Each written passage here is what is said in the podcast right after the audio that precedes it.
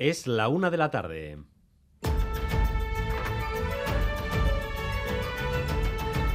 Crónica de Euskadi con Dani Álvarez.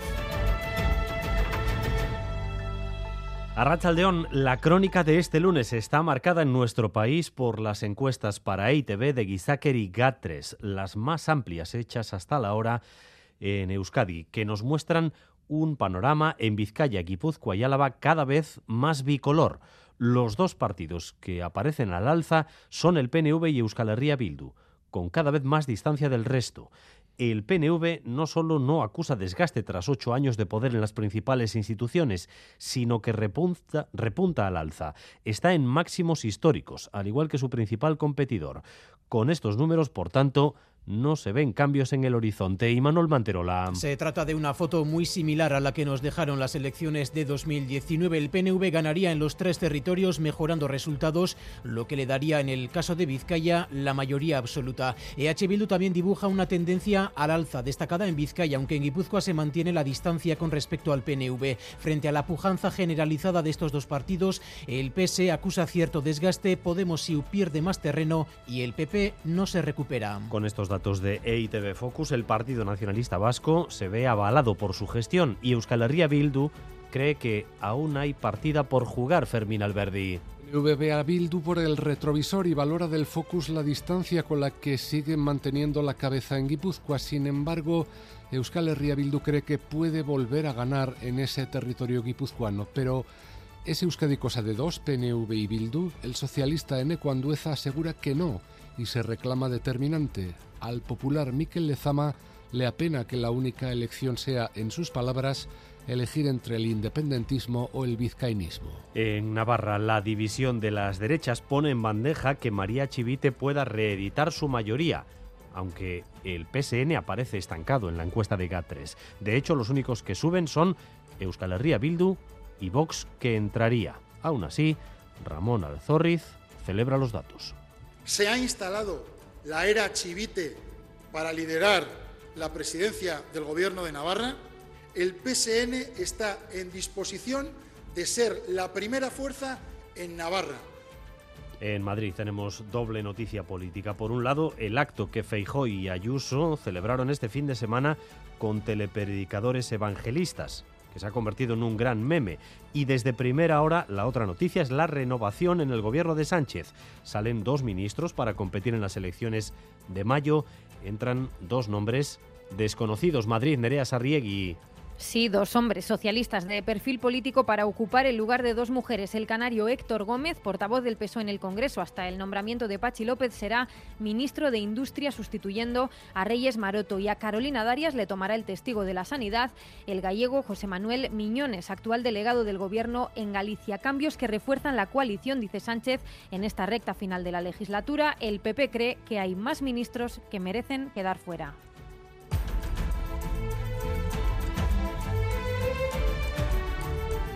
Y esta semana en Radio Euskadi celebramos los 40 años que cumplimos en esta etapa dentro del grupo EITV. El próximo viernes, viernes 31, es el cumpleaños redondo, pero desde hoy estamos compartiendo con ustedes momentos de esta historia reciente en la que la radio ha crecido muy rápido y ha formado una comunidad mucho más amplia de lo que cualquiera podía haber pensado entonces. Esta misma mañana en Boulevard hacían memoria Natalia Serrano, Roge Blasco o Torrelledó. Yo creo que Radio Euskadi ha seguido afortunadamente el mismo paso que la sociedad vasca.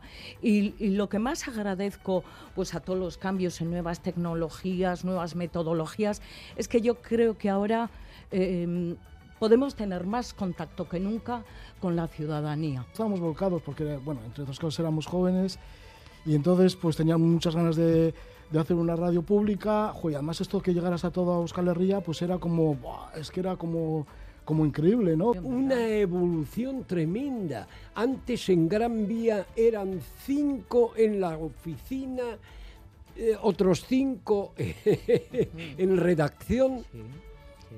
Y bueno, y, y, hay que ver la evolución que ha tenido esta casa. El viernes, el día grande, haremos nuestros principales programas desde la entrada de esta sede de ITV en Bilbao. Sonia Hernando. Compartiendo la radio, sí, con todos los oyentes que quieran estar ese día tan especial, desde las 8 de la mañana hasta las 7 de la tarde, Todos los programas de Radio Euskadi van a emitirse con público y para conseguir estar solo hay que escribir al correo electrónico de cada programa y conseguir esas invitaciones para soplar las 40 velas con nosotros. Y todo el mundo atento porque tenemos un detalle exclusivo para este 40 aniversario. De momento a nuestros oyentes les estamos pidiendo que nos manden sus recuerdos más emocionantes, más chisposos a nuestro WhatsApp el 688 840 840. Y novedades también en la Super Sur. El enlace entre la Super Sur y la A68 en Vizcaya está a punto de abrirse. Lo hará el 5 de abril. Tenemos una infraestructura que mejora la conectividad del territorio, permite pues eh, transitar de manera mucho más cómoda, más segura y más ágil. Todos los bueno, mm, vehículos que vayan a atravesar Vizcaya con origen o destino la meseta o Cantabria tienen aquí una vía alternativa de paso de primer nivel. Además, eh, nos permite sacar muchísimos vehículos eh, pesados también del entorno metropolitano. Y hoy es el Día del Teatro, disciplina que en el manifiesto de este año se autocalifica como la verdadera esencia de la humanidad. Con motivo del festejo hemos reunido a creadores de la escena vasca para tomar el pulso al teatro en Euskadi. Ramón Aguirre lleva 30 años en los escenarios. Maite Gandía, en cambio, estudia teatro, está dando, por tanto, sus primeros pasos en la escena. Nire ofizioa, nire afi- afizio ere bai, pasioa. Nik nahi nuke Euskal Herriko antzokietan Euskal Teatroa nagusi izatea. Neurri ausartak, kuotak, El teatro es para mí una forma, creo que la mayoría de los jóvenes cuando decidimos estudiar teatro buscamos irnos fuera porque no somos capaces de ver los recursos que hay aquí, dar a conocer a los jóvenes lo que hay. Teatro vasco existe. Y vamos también con lo más destacado del deporte, con Álvaro Fernández Cadierno, Arrachaldeón. Arrachaldeón en clave final del Parejas, el domingo en el Navarra Arena final que van a disputar las Oimaz ante el Ordizabaleta tras la lesión de Tolosa cuando ganaba junto al Tuna por 19 a 16 en una semana en la que volverá el fútbol de primera, lo hará ya el viernes con el Mallorca Osasuna. En cuanto al tiempo, los cielos van a seguir despejados a lo largo de la tarde y el viento, que ha soplado con bastante intensidad, eh, lo irá, irá perdiendo fuerza. Las temperaturas son, eso sí, notablemente más bajas que las de ayer, por debajo de los 15 grados ahora mismo prácticamente en todo el país, 13 grados en San Sebastián, 13 grados también en Bayona, 14 en Bilbao, 10 en Vitoria-Gasteiz y en Pamplona. En el tráfico, atención, porque hay un coche averiado en el corredor del Chorierri en Sondica, sentido cruces. No parece que esté causando problemas en la circulación. Chorierri N637 Sondica sentido cruces, un coche averiado. Gracias un día más por elegir Radio Euskadi y Radio Vitoria para informarse. Raúl González y Jorge Ibáñez se encargan de la dirección técnica, a Iciber Bilbao de la coordinación. Crónica de Euskadi con Dani Álvarez.